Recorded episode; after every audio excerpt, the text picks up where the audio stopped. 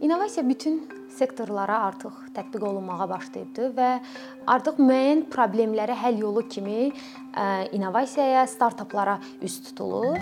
Amma təəssüflər olsun ki, bir çox sektorda olan kimi bu sektorda da qadınlarla kişilərin sayı heç də bərabər deyil.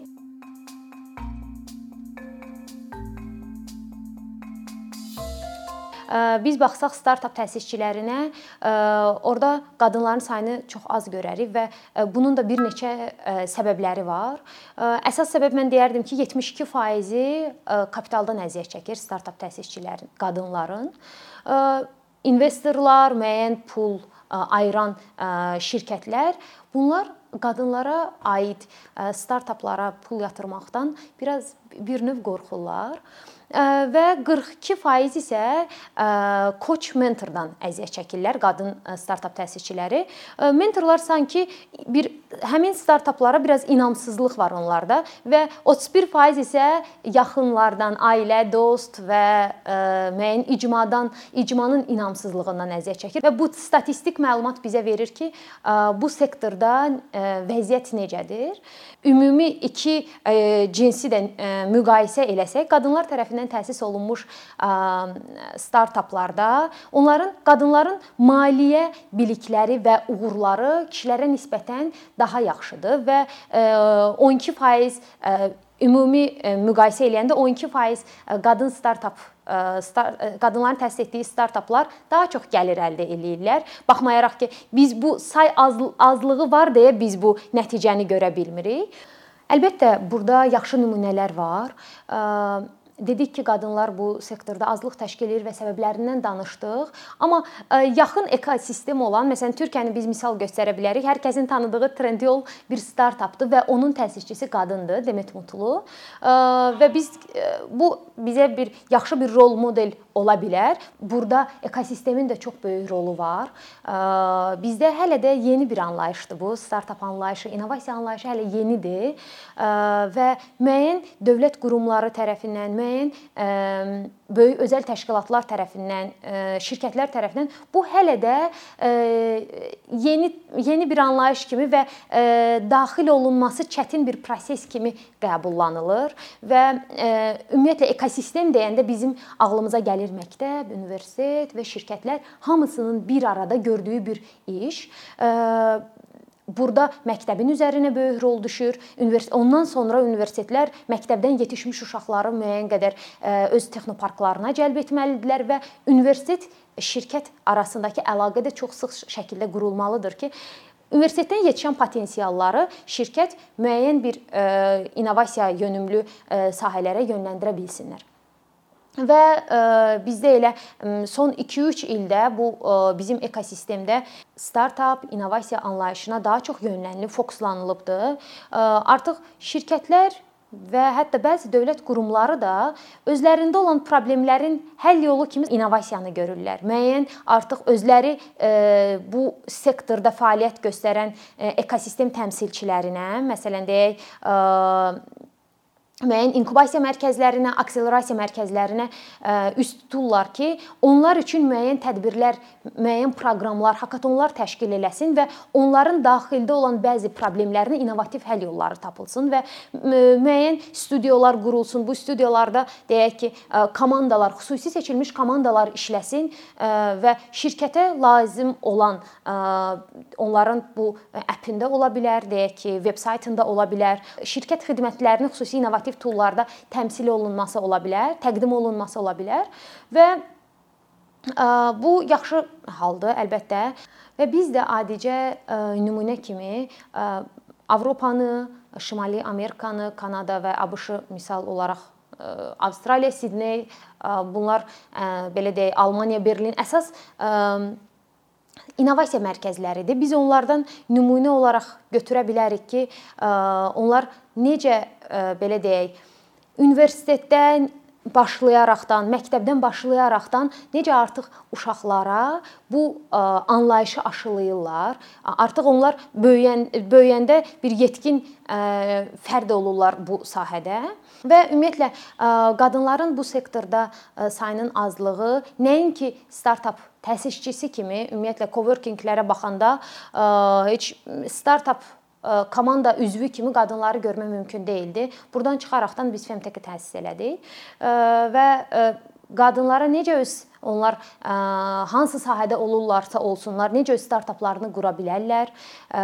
və ə, qlobal bazarda əsas oyunçulardan ola bilərlər. Biz onları ə, öyrədirik. Xarici mentorları, ə, ekspertləri dəvət eləyirik ki, onlar öz nümunələrində göstərsinlər ki, necə bu ə, reallaşdırmaq mümkündür. Biz əvvəllər e, yetkin qadınlarla işləyirdik və müəyyən nəticələr əldə elədik. Onlarla bootcamp proqramını reallaşdırdıq. Sonrasında inkubasiyaya onları dəvət elədik ki, öz komandalarını formalaşdırsınlar və ideyalarını daha yaxşı hala gətirsinlər. Və sonradan gördük ki, yox, artıq biz lazımdır e, uşaqlar bizim lazımdır ki, uşaqlarla da işləməyimiz. Çünki onlar elə bir yaş kateqoriyasıdır ki, e, qız uşaqlarının xüsusilə artıq peşəni seçməkdə əsas qərar verici yaşlardan biridir 12-16 yaş. Və biz başladıq o yaş kütləsi ilə də müəyyən innovativ məhsullar üzərində işləməyə və belə deyək, mən belə düşünürəm ki, bu işi görən ümumiyyətlə Azərbaycanda artıq artır, startap işindən, innovasiya işini görən bəzi kütlə qurumlar artır. Bu çox yaxşı haldır ki, ekosistem formalaşır artıq və biz isə bu bərabərsizliyi aradan qaldırmaqdan ötürü xüsusilə qadınlara fokuslanmışıq. Bəzən bu səhv anlaşılır, bəzən e, müəyyən qədər niyə də ki, bu qadının işi deyil ümumiyyətlə. E, əgər qadınlar yoxdursa, o deməkdir ki, onlar bunu bacarmırlar. Bu şəkildə biz rəylər alırıq. Amma əlbəttə, yəni bu e, ümumi bir rəydir və o qədər xüsusilə də regionlarda o qədər qadınlar var ki, onlar istəyirlər müəyyən yerə gəlsinlər, müəyyən qədər öz bizneslərini qursunlar, amma onlar bilmirlər ki, ümumiyyətlə innovasiya var. Niyə onlar öz bizneslərini sadəcə ənənəvi yolla bir deyək ki, restoran, bir salon, bir kitab mağazası aç açırlar? Niyə onlar ə, e, həmin bizneslərə bəzi innovativ məhsulları qatmırlar və onu startap halına ə, e, gətirib sadəcə olduqları məkanla kifayətlənmək yox da qlobal bazarda rəqabət apara biləcək bir startap halına gətirmirlər. Biz ə, e, bir nümunəni sizə gətirəcəm. Bu yaxınlarda bir layihə ilə biz ə, regionlardaydıq və 10 dəqiqə ərzində ə, onlara müəyyən belə deyək, istiqamətlər üzərindən təhsil, tibb, ekologiya və s. öz startap ideyalarını reallaşdırmağı dedi, layihə halında bizə təqdim eləyəsi idilər. Təsəvvür eləyirsiniz, Lerikdə yaşayan bir komandadan ibarət olan qızlar bu qısa müddət ərzində hətta layihənin brendinqini belə eləmişdilər. Müəyyən funksiyalarını, quracaqları e, startapdakı appin müəyyən funksiyalarını, xidmətləri aydın şəkildə izah eləyirdilər və onlar təbii ki, bilmirlər ki, eyni startap, çünki bazar araşdırması eləməyiblər. Eyni startap Bakıda var və həmin startap investisiya əldə edibdi. E, mən o qədər e, sevinirdim bu hala ki, onlar nə qədər bu innovasiyadan uzaqda bir məkanda yaşayırlar bir dağlıq ərazidə yaşayırlar, amma həmin qızlar necə innovativ düşünə bilirlər. E, doğrudan da potensiallar deməli var. Sadəcə bu potensialları kəşf eləmək və e, onları uzun müddətli şəkildə izləmək lazımdır ki, e, ta ki onlar reallaşdırsınlar öz startap ideyalarını. Mən onu deyərdim ki, bizdə elə başa düşülür ki, sadəcə ə, ixtisaslar qızlar üçün olan ixtisaslar sadəcə həkim, müəllim bununla kifayətlənir. Elə həmin təlimdən bir nümunəni deyim ki, iştirakçılardan soruşanda ki, siz böyüyəndə nə olmaq istəyirsiniz? 12-16 yaş arası qızlardır. 90% bildirdi ki, onlar müəllim olmaq istəyirlər fərqli-fərqli hansı ki o da nədən asılı idi? Hansı müəllimlərini pərəstiş eləyirlər? O, o müəllimin özlərinə rol model kimi görürlər və bildirdilər ki, biri mən coğrafiya müəllimi, dil ədəbiyyat müəllimi və s. və mən onlardan soruşdum ki, sizcə nəyə görə sizin çoxluğunuz müəllim olmaq istəyirsiniz? Sizcə başqa sənət yoxdur? Yəni ola biləcək məsələn mühəndis kimi hansı ki siz müəyyən kompüterdə müəyyən işlər görürsüz, onların dili ilə, sadə dillə izah eləyirəm bunu mən.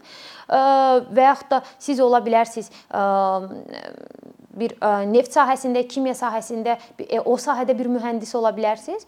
Mənə bildirdilər ki, mən müəllim elə tam olaraq mənim tərəfimdən o biz məsələn mən coğrafiyanı çox sevirəm, ona görə coğrafiya müəllimi olmaq istəyirəm. Onlara bildirdim ki, bəs siz əsas məsələ sizin həmin şəxsləri görməməyinizdir. Məsələn, qadın mühəndisi siz bu ərazidə görmürsüz. Ona görə elə düşünürsüz ki, ümumiyyətlə bu sahə yoxdur və yaxud da bu sahədə bir qadını görmək olmaz. Bu sahə, sahə bu sahə sadəcə kişilərdən ibarətdir və onlar artıq mənə çox diqqətlə baxırlar. Mən elə düşünürəm ki, müəyyən qədər onlarda nəsə oyandı və özləri müəyyən araşdırmalar artıq eləyəcəklər. Çünki kimya sahəsi var, kimya müəllimi olmaq istəyən var, amma düşünmür ki, kimya üzrə məsələn mühəndis o kimya mühəndisi ola bilər deyə. Və onlar əsas məsələ də bilirsiniz necədir? Bizdə elə düşünülür ki, bir kimsə biznesini qurmaq üçün mütləq gedib biznes idarəsi idarə edilməsi təhsili almalıdır. Amma ə, bir həkimin də startapı ola bilər. Əlbəttə, o tibb sahəsində olan ə, problemləri müəyyən innovativ həll yolları tapa bilər. Eyni ilə də e, bu e, digər sahələrdən də asılıdır. İstəyirsən sən kosmonavt ol, istəyirsən bir e, kənd təsərrüfatı sahəsində bir ekspert ol, bu daha yaxşı. Sən olduğun sahəni əgər çox yaxşı bilirsənsə, deməli sən bu sahənin problemlərini də bilirsən və o problemlərə necəsə sən innovativlik qatıb bir biznes halına sala bilərsən. Ümumiyyətlə bu sahədə bərabərsizliyin olmasının əsas səbəblərindən biri də universitetlərdə bu bəzi sahələr var ki, texniki sahələr olsun, texniki dərslərin keçirildiyi sahələr olsun. Orda ancaq startap innovasiya mövzularına toxunulur. Amma pedaqoji sahələrə biz baxsaq, pedaqoji və yaxud da tibb ixtisaslarına biz baxsaq, orada startap anlayışı, innovasiya anlayışı heç belə deyə yoxdur. Və bunun da əsas səbəblərindən biridir ki, oradakı tələbələrin çoxluğu, məsələn, pedaqoji ixtisasda oxuyan tələbələrin çoxusu qadınlar, qızlardır. Və yaxud da deyək texniki sahədə olan mühəndis sahəsində olan tələbələrdən çoxluq oğlanlardır. Və sadəcə həmin sahələrdə belə deyək, mühəndisin bildiyi bir anlayış olduğu üçün artıq qızlara bu mövzu çatmır. Gec onları daha növbəti yaşlarda bunlar startapla qarşılaşırlar. Və bir də ki, bu Elə ilk deməli əsas məsələ başlayır ixtisaslardan ixtisas seçimindən və ixtisas seçimi də başlayır məktəbdən.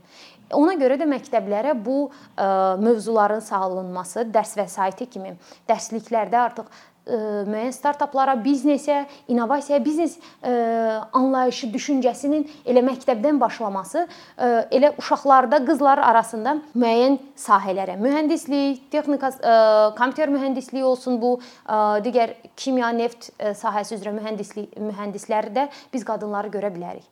Xaricdə amma xarici ölkələrdə biz indi hələ məktəbdən danışırıq, amma xarici ölkələrdə artıq yavaş-yavaş bağçalarda ə, uşaqlara müəyyən workshoplarla, belə deyək, oyunlarla öyrədilir ki, innovasiya ilə tanışlıq, məsələn, necə onlar bunu bir problem onlara göstərilir və onlar necə bu problemi innovativ yolla həll edə bilərlər, bu şəkildə soruşulur. Amma bizdə ölkədə isə yeni anlayış olduğu üçün yeni-yeni bəzi universitetlərdə, hansı ki, həmin universitetlərin müəyyən innovasiya bölmələri var, ancaq oralar o o sahədə olan uşaqların, o universitetlərdə oxuyan uşaqların bundan xəbəri olur və yaxud da bəziləri olur müəyyən dil bilikləri olur və bəzi beynəlxalq tədbirlərə tədbirlərdə iştirak eləyirlər və digərlərindən daha uğurlu ə, nəticə əldə edə bilirlər. Mən düşünürəm ki, bu proses uzun bir prosesdir.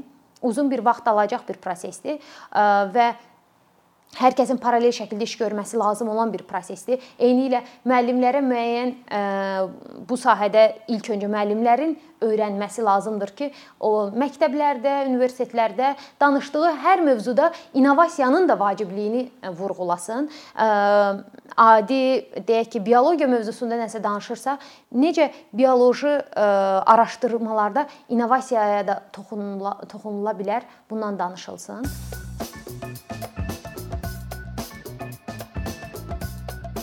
Bir neçə ildir ki, əkinçi olaraq azərbaycanlı izləyicilərin hər zaman faydalana biləcəyi keyfiyyətli və ən əsas ödənişsiz kontent hazırlamağa çalışırıq. İndiyədək təqdim etdiyimiz onlarla animasiya və yüzlərlə çəkilişlər tələbələrin, mütəxəssislərin, müəllimlərin və ümumiyyətlə yeni mövzulardan xəbərdar olmaq istəyən çox sayda insanın marağına səbəb olub. Bu illər ərzində hazırladığımız videolar təhsil, texnologiya, ictimai fəallıq, iqtisadiyyat, gender bərabərliyi, ətraf mühit, istifadə azadlığı, hüquq, demokratik inkişaf, mədəniyyət və digər mövzuları əhatə edib. Məqsədimiz çoxlu baxış gətirən deyil, çoxlu fayda gətirən videolar hazırlamaqdır. Amma bu düşündüyümüz qədər asan deyilmiş. Gördüyümüz iş kifayət qədər resurs, əmək və təbii ki, davamlılıq tələb edir. Bu səbəbdən Patreon platformasından istifadəyə başladıq. Əkinçinin Patreon hesabının populyarlaşmasına çox böyük ümidlərimiz və gözləntilərimiz var.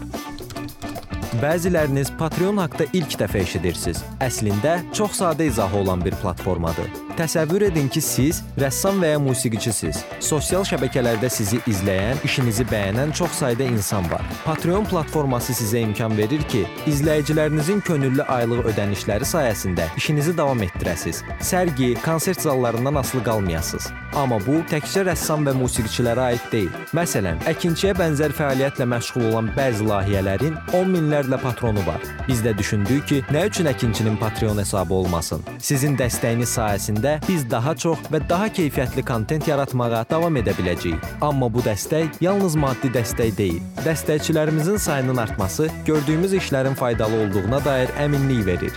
Patreon platformasından istifadə çox sadədir. Hesabınızı açırsınız, sizə uyğun dəstək növünü seçirsiniz və Patreon özü hər ayın ilk günü kartınızdan seçdiyiniz dəstək növünə uyğun ödəniş tutur. Bu qədər. Sonda onu demək istəyirik ki, dəstəkçilərin sırasına qoşulmaq istəyən, amma məhdud imkana görə bunu edə bilməyənlər narahat olmasın. Daha öncə dediyimiz kimi, bizim əsas məqsədimiz daha çox insanın hər zaman faydalana biləcəyi keyfiyyətli və ödənişsiz kontentin yaradılmasıdır. Bunun üçün mütləq patronumuz olmalısınız deyə məcburiyyət yoxdur. Amma imkanınız patron olmağa çatırsa və bizim işimizi bəyənirsinizsə, patronlarımızın sırasına qoşulmağınız bizim üçün çox önəmlidir.